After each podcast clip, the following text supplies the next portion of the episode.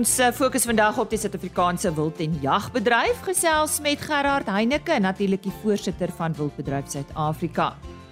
Ons het natuurlik ook weer sake Johan van der Berg gaan vir ons vertel hoe lank die baie reën nog gaan voortduur. Dr Louis Bouk van die Lankou Diere Gesondheid praat oor die belangrike rol wat spoorminerale by herkouers speel.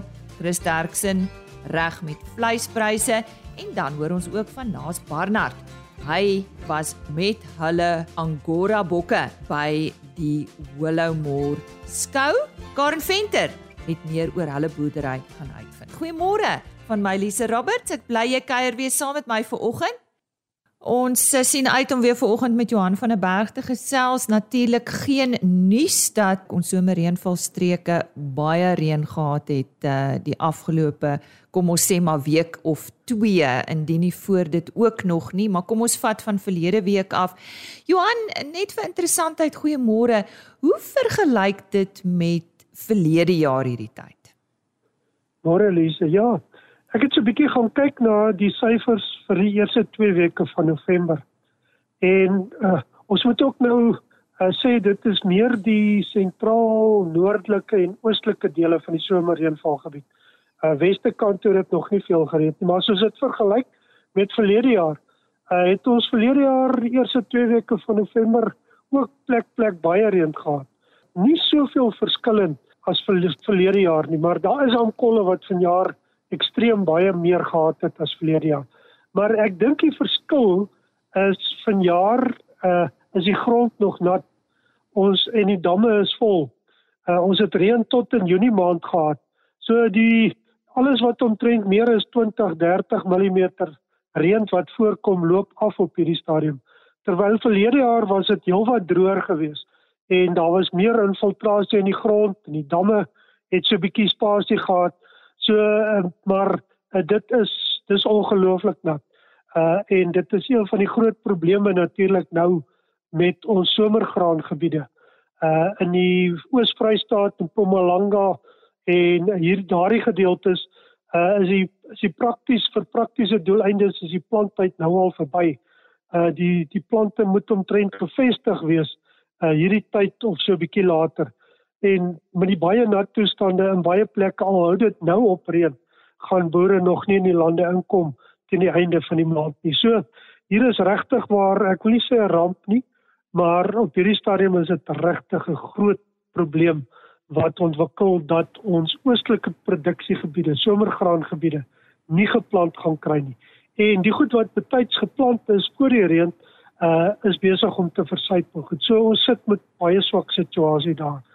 Terwyl ons oor die plan tye en plan datums praat, uh na die weste kant toe is daar darm nog 'n maand of die laaste 6 weke beskikbaar. So dit lyk 'n bietjie beter weste kant toe. Maar die die groot probleem is dat hier nog baie reën op pad is in hierdie volgende tyd. Hierdie volgende week miskien nie so baie nie, ligter neerslag maar veral die laaste week van November en dan die eerste week van Desember lyk asof hier nog redelik swaar neerslaas. So mense praat hier van 50 100 mm plus oor 'n groot dele van die Vrystaat, uh Noordwes, ehm uh, Mpumalanga, Gauteng en dan lyk dit of die swaarste reën in hierdie volgende 2 weke uh in Limpopo gaan voorkom, so die noordoostelike gedeeltes. So hier is gebiede wat waarskynlik weer in is dat daar oorstromings gaan kom. Uh veral dan sê ons hierdie laaste week van November en die eerste week van Desember.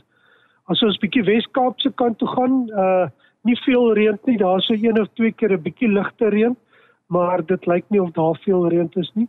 Uh die Oos-Kaap gedeeltes uh so 'n bietjie reën, maar heelwat minder as die meer noordelike provinsies, maar daar is 'n 10-20 mm of so in die volgende week of twee. Maar ek dink die groot nuus, die effek van La Nina is besig om uit te speel nou en gewoonlik met uh, as dit begin reën, uh, is die natperiode ten minste 6 weke dalk na 2 maande se kant.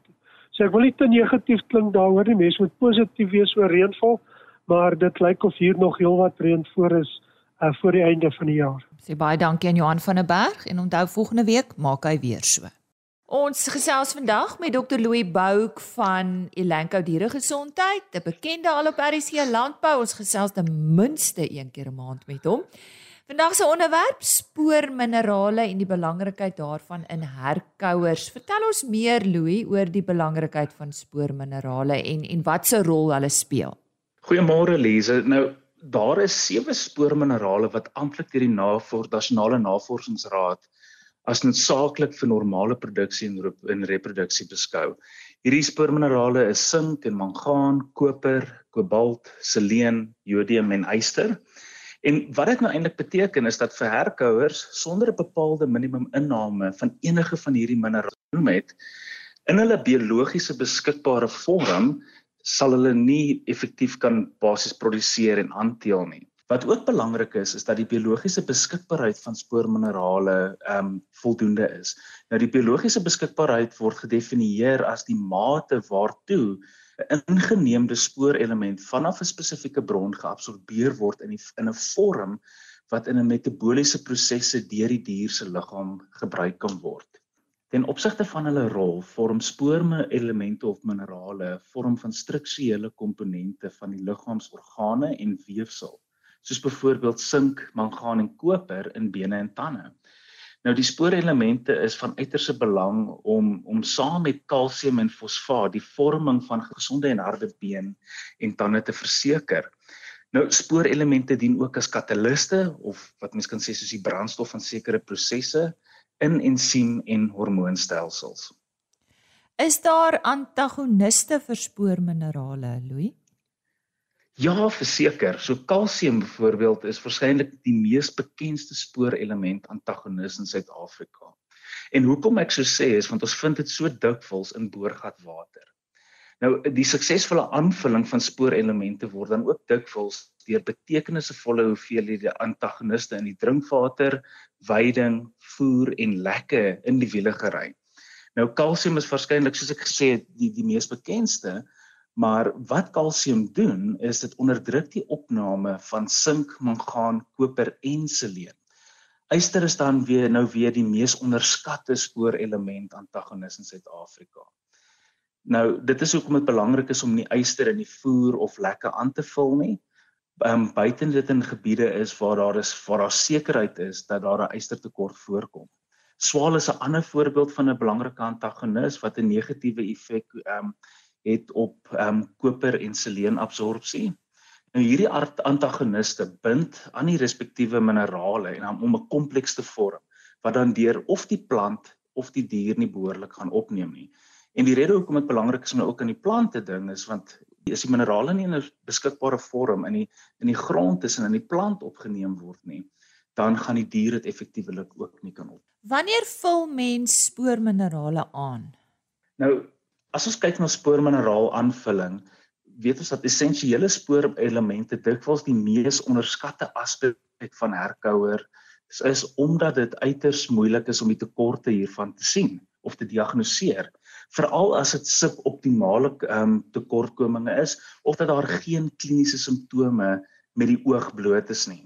Nou veeboere, veeartse en veekundiges moet verseker dat uh, dat alle veekuddes waarby hulle betrokke is spesifieke en doelgerigte programme vir die aanvulling van spoorelemente het. Nou hierdie programme moenie moet veroorsaak dat daar nie tekortkome aan spoorelemente is tydens strategiese tye nie. Hierdie strategiese tye uh, waar is is basies waar spoorelement funksie so belangrik is en dis tydens die pro produserende tydperk soos aanteel ehm um, en dan soos kritiese ekonomiese gebeure soos die kalftydperk of lamtydperk, paring en enige tydperk waar daar vinnige groei en dan belangrik stres is wat geoptimaliseer moet word.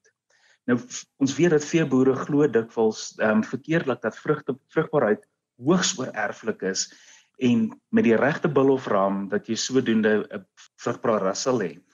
Nou wat ons weet uit 'n genetiese oogpunt is dat die vrugbaarheid in beeste la, of die die die die die die die, die met aanteling in die genetika en die oorerflikheid daarvan in beeste laer as 5% is, skape sit hier om en by 8%, ehm um, en en en tot en met 20%. Nou wat ons wel weet is dat die omgewing speel 'n bitter belangrike rol om te verseker dat die vrugbaarheid hoog is in daai diere. Nou die die tweede belangrikste faktor is om om vrugbaarheid te verseker is om ook seker te maak dat die liggaamskondisie van daai dier reg is. En die die die begrip hierso is is maar basies om te sê jy kan die beste genetika hê, maar as die omgewing en die situasie en die dier nie in die kondisie is wat hy moet moet wees nie, gaan hy nie sy genetiese potensiaal kan bereik nie. Louis, as iemand met julle wil gesels oor hierdie onderwerp, wat is die beste? Weet jy wat die maklikste is? En dit is net indien enige iemand enige vrae het, is om ons te skakel op 0861352626 dan antwoord ons enige vrae. Dr. Louis Bouk, hy is hoof van tegniese dienste by Elanco Diere Gesondheid. Kom ek herhaal net daardie telefoonnommer 0861 352 626 of besoek hulle webtuiste www.elanco.com. Ons sluit nou aan by Chris Derksen vir ons nuutste vleispryse. Die pryse is behaal by veilinge in die Noord-Vrystaat hierdie week. Goeiemôre al ons medeboere. Lisa, dankie vir die geleentheid. Die volgende is belangrik. Die back and closure bottleneck in die voerkraalbedryf het veroorsaak dat nou dat die hekke oopgaan, is daar 'n bietjie van 'n oortollige hoeveelheid A-klasse wat eers geslag moet word en 'n bietjie van 'n neerdrukkende effek op die mark het verder het die vreeslik baie reëns natuurlik altyd 'n probleem geword veral op die kleinvee want 'n skaap wat nat gereën het lyk mos na niks. Maar ek gee vir julle die presiese pryse. Speenkalvers onder 200 kg het gegaan vir R38.88 per kilogram lewendig. Van 200 tot 250 kg R37.44 en oor 250 kg R35. 55 sent. A klasse was R33.08, B klasse R26.03, vet koeie R25.14, maar koeie R21.55 per kilogram. Slagbulle R26.21. Skaapmark, onthou nou wat ek gesê het, dit is al hierdie skapies wat nat gereën het. Hulle lyk regtig nie op hulle snykant nie. Stoorlammers het R40.25 gegaan slaglammers R40.42, stoorskape R33.03 en vetskape R30.12 per kilogram. Boklammers was R62.30, maar ooe die relatief goedkoop prys van R38.66, maar die kwaliteit was ook nie heeltemal daar nie. So indien ons enige verdere hulp kan wees, skakel maar enige tyd na 08280 75961 of jy kan gaan na www.vleisprys.co.za. En so sê Chris Derksen. Karen Venter het gisteroggend op RSG Landbou met Andrius Greef oor die Willowmore Angora skou gesels. Kom ons sluit by haar aan vir nog 'n gesprek. Dit is dan vir my altyd lekker om met 'n jong mens te gesels en ek het een van hulle hier by die Willowmore Angora skou nader getrek. En dit is nie sommer net iemand nie, dit is 'n jong man van 19 jaar oud. Hy het 'n hele paar pryse al ingepalm oor hierdie laaste 2 dae van skou en sy naam is Naas Barnard en hulle plaas se naam is Toorwater. Ja. Vertel vir ons waar is julle en watse tipe angoras het julle op die plaas? Ons is geleë tussen Oudtshoorn en Willowmore. En ja, ons boer maar met kuddebokke, angora bokke Ons redelik nie in die bedryf nie. Nou 'n paar jaar, so 3 jaar in die bedryf. Ek en my pa boer maar saam. Ons het saam begin en kyk maar saam na die bokke. Ons het 'n gemengde boerdery van Angora bokke en boerbokke waarvan die boerbokke stoetery is. So ons is probeer ons het probeer maar altyd goeie kwaliteit diere aanhou. Mm. Ons het het probeer maar quality en nie quantity nie so skoubedryf en so is maar deel van die dinge om ons voel van bietjie meer kwaliteit te probeer boer ons om ja 'n naam vir jouself te skep maar ook om jouself te vergelyk met medeboere om passievol te bly vir die bedryf en ja om die medeboere te leer ken ook so mens moet seker maar in die bedryf ook beweeg en Ja, en ook om iets soos die skou by Willowmore te te help aan die gang hou en aan die gang bly. Dit is nie 'n gereelde uh, gebeurtenis nie so ons het deelgene deelgeneem.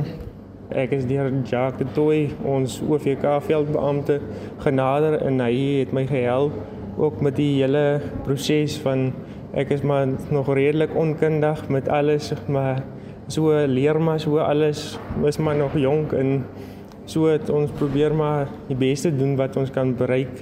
En ja, ek het my wildste verwagtinge het oorskry heeltemal is 'n bietjie uit die veld geslaan van alles wat ons bereik het, maar ek is heeltemal gelukkig en ja, ek weet nie dit's my woorde, het nie woorde om dit te beskryf hoe ek voel nie. Nou is net so 'n kort opsommingkie van waar kom julle boerdery vandaan, hoe lank terug gaan dit? Dit gaan eintlik heel lank terug. My pa, dit is jong man toe hy by my my oupa bykom op die plaas en saam begin 'n boer. Het hulle my oupa het 'n stoetery, Angora stoetery gehad, maar in die laat 90er jare het my oupa en my pa groot skade gelei aan verkleiming. En so het my oupa 2/3 van sy kudde verloor al stoetoeie en met so dit het hom 'n vreeslike terugslag gegee en hy het toe die bokke die stoetery heeltemal verkoop en oorgegaan na 'n skaapboerdery wat 'n merino skaapboerdery in tot onlangs het ons van die weens die droogte die merinos moes ons verkoop en toe het nou so 3 jaar terug 3 4 jaar terug begin reën het Toe het my pa gesê hy wil weer vee aankoop en die beste opsie vir hom was Angora boerdery. En so het ons 'n paar ou oeye by uh, oom Dani Skooman van Excelsior boerdery gekoop. En daar het dit alles begin. Ons het 'n uh, 'n paar 'n uh, drie ou stoetramme by Grootfontein deur oom Hans Greef um, gekoop. En dit was die begin van ons um herbegin van ons Angora boerdery. En ja, ons ons doen goed behaal, goed met die bokke en hulle ons dink ons gaan hulle gaan nou bly op die plaas. Wat was jou oupa en jou pa se naam? Wat is sy naam? Uh my oupa se naam is ook Naas Barnard en uh my pa se naam is Andre Barnard of is Andre Barnard. Wel, ek sien 'n stralende jong man hier voor my vandag. Um ek wil graag by jou hoor watter klasse het julle so goed gedoen? Um, ons het goed gedoen in die kort daar kiddebokkies. Uh dis die twee af jong oetjies 2021 gebore. Dit is die groepklasie van 3 het ons 'n uh, eerste plasing en 'n uh, vierde plasing behaal. Daar het ons ook in dieselfde klasie uh of selfde ouderdom uh, vir die enkel het ons baie goed gedoen met 'n uh, 'n eerste plasing, 'n tweede plasing en sowel 'n uh, vierde en 'n vyfde plasing waarvan een oetjie die eerste plasing oetjie um, skitterend gedoen het. Sy het die beste bouvorm en beste vag in die klas behaal waar wat ons wat bitter uitstekend is. En ja, nee, baie trots op die oetjie spesifieke oetjie ook. Hoe het dit gegaan vandag sover? Ja, dus van vandag was meer uh, stoetbokke en ander klasse en die ramme, die ramme en oeye is bitter mooi waarvan uh, uh, langer jong oeye is want ook vir uh, medekudde boere wat bitter mooi is. Mense het uitstekend uitstekend gepresteer en die diere is bitter mooi hierso en dis baie mooi uh, lekker om deur al die diere te loop en mm. verskillende teelers se diere en diere te kyk en so ook maar te leer by hoe waar die poolars alles plaas en waarvoor hulle kyk in so in so op so iets kan ek ook maar my kennis verbreed. Waar sien jy jouself oor so 10 jaar van nou af naas? Ek sal graag ja, die bokke wil verbeter ons die boerdery het 'n uh, die laaste tyd beter met omstandighede dit maak alles soveel lekkerder ook maar ek wil graag as ons die hele bedryf so be, die beste van ons kan vermoë op die plaas op die plaas Victorwater. Ons ja, ons wil streef maar net na verbetering op die diere en ja, ons eie doele te bereik van prestasie op diere van goeie produksie eienskappe ook maar vir praktiese diere.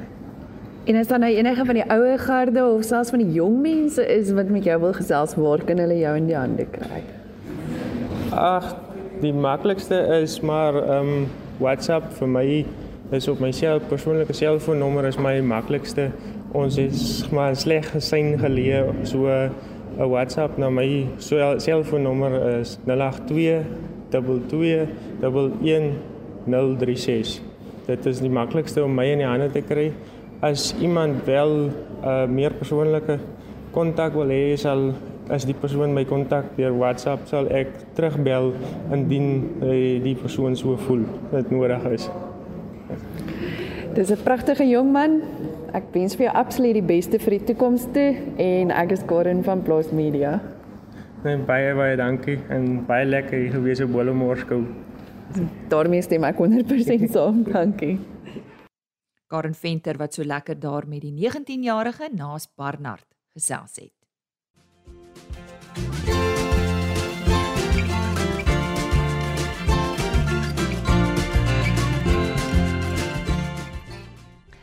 Onderwyl die Suid-Afrikaanse jag en wildbedryf nog uh, besig is om kop op te tel na die terugslag soos uh, die langdurige droogte en die COVID-19 pandemie, raak die aanslae van ekstremiste wat uh, gekant is teen die volhoubare private bewaring en benutting van natuurlewe al hoe heftiger. Ons het dit goed gedink om vandag daaroor te gesels met Wildbedryf Suid-Afrika en ek verwelkom graag vir uh, Gerard Heineke, baie welkom. Baie dankie ja, Lise, ja, baie dankie. Gerard, die pilare waarop uh julle bedryf gebou is, herstel goed na die uitdagings uh, waarna ek verwys het die afgelope paar jaar. 'n uh, Brei bietjie uit hieroor. Ja, ek dink uh, Lise ons is in 'n baie beter situasie as wat ons was 2 jaar gelede. Ek dink ons um, is baie bly dat ons kan sê dat ons uh, besig is om tot 'n baie groot mate te normaliseer. Uh ek dink die wildbedryf het ook aansienlik aangepas by omstandighede en dit is maar boere boere pas altyd aan. En uh, ek dink ons storie is nog steeds baie baie positief om te vertel en 'n uh, groot storie wat ons het om vir ons mense te vertel ook nasionaal maar ook vir die wêreld te vertel van uh hoe goed dit gaan met ons en uh met ons bewaring van ons spesies en uh dat ons ons boere eintlik 'n ongelooflike groot werk doen uh, waar ons in hierdie spasie in die biodiversiteitsspasie habitat beskerm en spesiesbeskerming doen. Uh ten spyte van die uitdagings wat ons het, het ons ook wetgewing soos die wetskrif uh waarna ons nou kyk en waar ons kommentaar gelewer het en en uh juis besig is om weer op die uh, tweede gedeelte kommentaar te lewer. Uh dis deel van die uitdagings van die bedryf. Uh ons moet verstaan ons is baie jonk. Ons is maar 31 jaar jonk en daar is baie skommelinge rondom uh hoe moet 'n bedryf lyk en hoe moet hy gevorm word. So ons is 'n deel van die pioniersjare vorm ons en ons moet weet ons uh, dit is baie keer die masjien draai baie stadig, maar dis waar ons ons op die oomblik bevind en en dis deel van dit. Hmm. Gesels bietjie met ons oor die nuwe wetsontwerp wat behels dit. Uh die nuwe wetsontwerp of die nuwe wetskrif biodiversiteit uh bewaring uh wetskrif wat op die oomblik uit is vir kommentaar ehm um, skep vir ons 'n bietjie van 'n probleem, maar net voordat ek dit verduidelik, wil ek net so 'n oombliekie teruggaan en net net vinnig skets uh en sê wat is ons probleem? Die die wildbedryf van Suid-Afrika uh, uh, sorteer nie onder die biodiversiteit raamwerk van Suid-Afrika onder beskermde areas nie. Dit skep vir ons 'n probleem waar ons onder 'n biodiversiteit raamwerk van 'n privaat sektor funksioneer. En sukkel ons baie keer en en is dit uh baie keer met wetgewing sodat ons probeer om 'n sirkel in te pas in 'n vierkant. So dit skep vir ons ons eerste uitdaging. Nou as ons teruggaan na die die um uh Economy Lab uh uitkomste van 2016, dan sal ons sien daar is toe met al die rolspelers is daar vergader oor 'n lang tydperk ook om 'n verskil te maak vir die bedryf se toekoms en ook om rigting te gee uh, aan die wetgewing van NEMBA. Nou dit sou wees dat ons moet uh uh regulasies of wetgewing eintlik moet aanpas en vergemaklik en ook ten opsigte van die uh topsregulasies soos ons dit ken, die bedreigde spesies regulasies, moet daar aanpassings kom om vir ons 'n meer 'n omgewing te gee waar binne ons kan funksioneer en waar binne ons kan makliker kan werk. Uh en de, toe het die wetskrif nou uitgekom en die wetskrif waar die groot probleem ook nou lê, die wetskrif gaan nou die oorkoepelende dokument wees oor NEMA en oor NEMBA. En uh wat inskryf dan onder die konstitusie van Suid-Afrika of die grondwet van Suid-Afrika skuif die wetskrif nou in. Nou ons het sedert 1997 het ons nooit volgens die wetskrif gewerk wat toe uitgekom het nie en is daar gewerk met NEMBA wat vir ons die basiese beginsels, riglyne, reëls en regulasies en wetgewing neergelê het. En en dit skep vir ons 'n probleem want daar is sekere uh, standpunte waarmee ons uh, glad nie vreenselsig of saamstem nie. Ja, ja, so wat is WRSA se standpunt? Dink ons moet uh, kyk die eerste dokument was 70 bladsye, hy is skielik verminder na 36 toe. Uh die beginsels wat daar is was 8 gewees, uh, die beginsels is verminder na 4 toe. Ehm um, en uh so daar's daar's 'n klomp veranderinge wat oor 'n baie kort uh, uh tydperk in 'n paar weke aangebring is waarop ons nou weer met kommentaar lewer. Dink is is baie belangrik dat ons die uh die werklike doel van hierdie wetskrif moet ons verstaan. Dit moet vir ons ons omgewing, ons uh, uh wetlike omgewing waarbinne ons funksioneer, moet dit vir ons vergemaklik. Ons kan dit nie sien nie. Ons kan nie sien dat hierdie dokument enigsins gaan bydra tot dit nie. Die ander uh, probleem wat ons sien is ook met ons gemeenskappe. Uh en die gemeenskappe besit 'n geweldige hoeveelheid grond, maar wat hulle nie heeltemal die wat hulle ook nie die titelaktes besit van nie, wat 'n probleem skep. As jy nie uh besitreg het oor wild of oor 'n uh, stuk grond, jy kan jy nie handel dryf nie. Dit skep 'n geweldige probleem. En dis 'n probleem wat 20 jaar uh, nou al kom. Eintlik sedert 1997 is daar geen verandering wat hier plaasgevind het nie. Nou die wetskrif op die stadium gee vir ons geen uh uh riglyne wat basies vir ons verligting kan gee op topsregulasies nie om wild makliker te skuif nie. Uh en van die beginsels is daar soos ons gesê het is daar nou uh veranderinge aangebring wat nie noodwendig nodig was nie uh, ook op die definisies van volhoubare benutting. Dit is tog wat die wetskrifdokument sê, volhoubare benutting van biodiversiteit. Hoekom moet ons aan aan volhoubare benutting se definisies torring terwyl dit uh, genoegsaam is waarmee ons kan werk? So ehm um, ons het ons kommentare het ons ingegee en uh, ons ons sal kyk met verdere onderhandelinge soos ek gesê het ons is glad nie enigsins uh, negatief oor goed nie dis maar deel van die ontwikkeling van die bedryf dis hoe ons dit sien. Dis hoe ons dit moet sien. En uh so ons is besig met die onderhandelinge. Baie positief uh, kan ek ook vir jou sê Elisa, ons het uh hande gevat ook met die uh ICC African Community Conservation en ook met die uh, Parks and People het ons hande gevat en ons werk saam. Ons uh ons het te lank uh, van mekaar gepraat en nie met mekaar gepraat nie. Ek dink ons is nou daar wat ons sê kom ons maak 'n verskil uh vir ons gemeenskappe, vir al ons mense, vir um almal wat met wild en met biodiversiteit te doen het in Suid-Afrika, uh maak ons 'n verskil en ons is baie opgewonde daaroor. Gerard, is daar iets op hierdie stadium waaroor jy bekommerd is? Lisa, ek dink die uh een van die goed waaroor ons bekommerd is is dat die SIAS dokument wat uh eintlik moet saam met hierdie dokument loop, uh waar jy die uitkomste moet bepaal van 'n dokument um, bestaan nie. Daar is nie so 'n dokument. Die dokument wat daar is is in April maand laas opgestel. Hy het na 6 maande verval.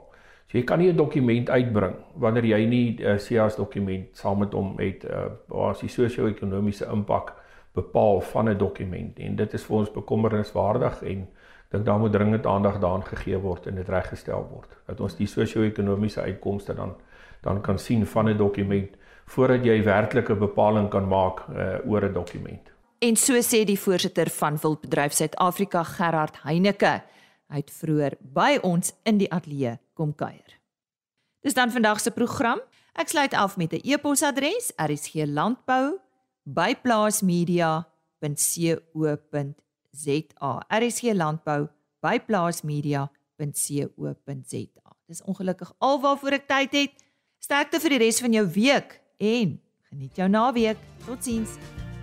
RSG Landbou is 'n plaas media produksie met regisseur en aanbieder Lize Roberts en tegniese ondersteuning deur Jolande Rooi.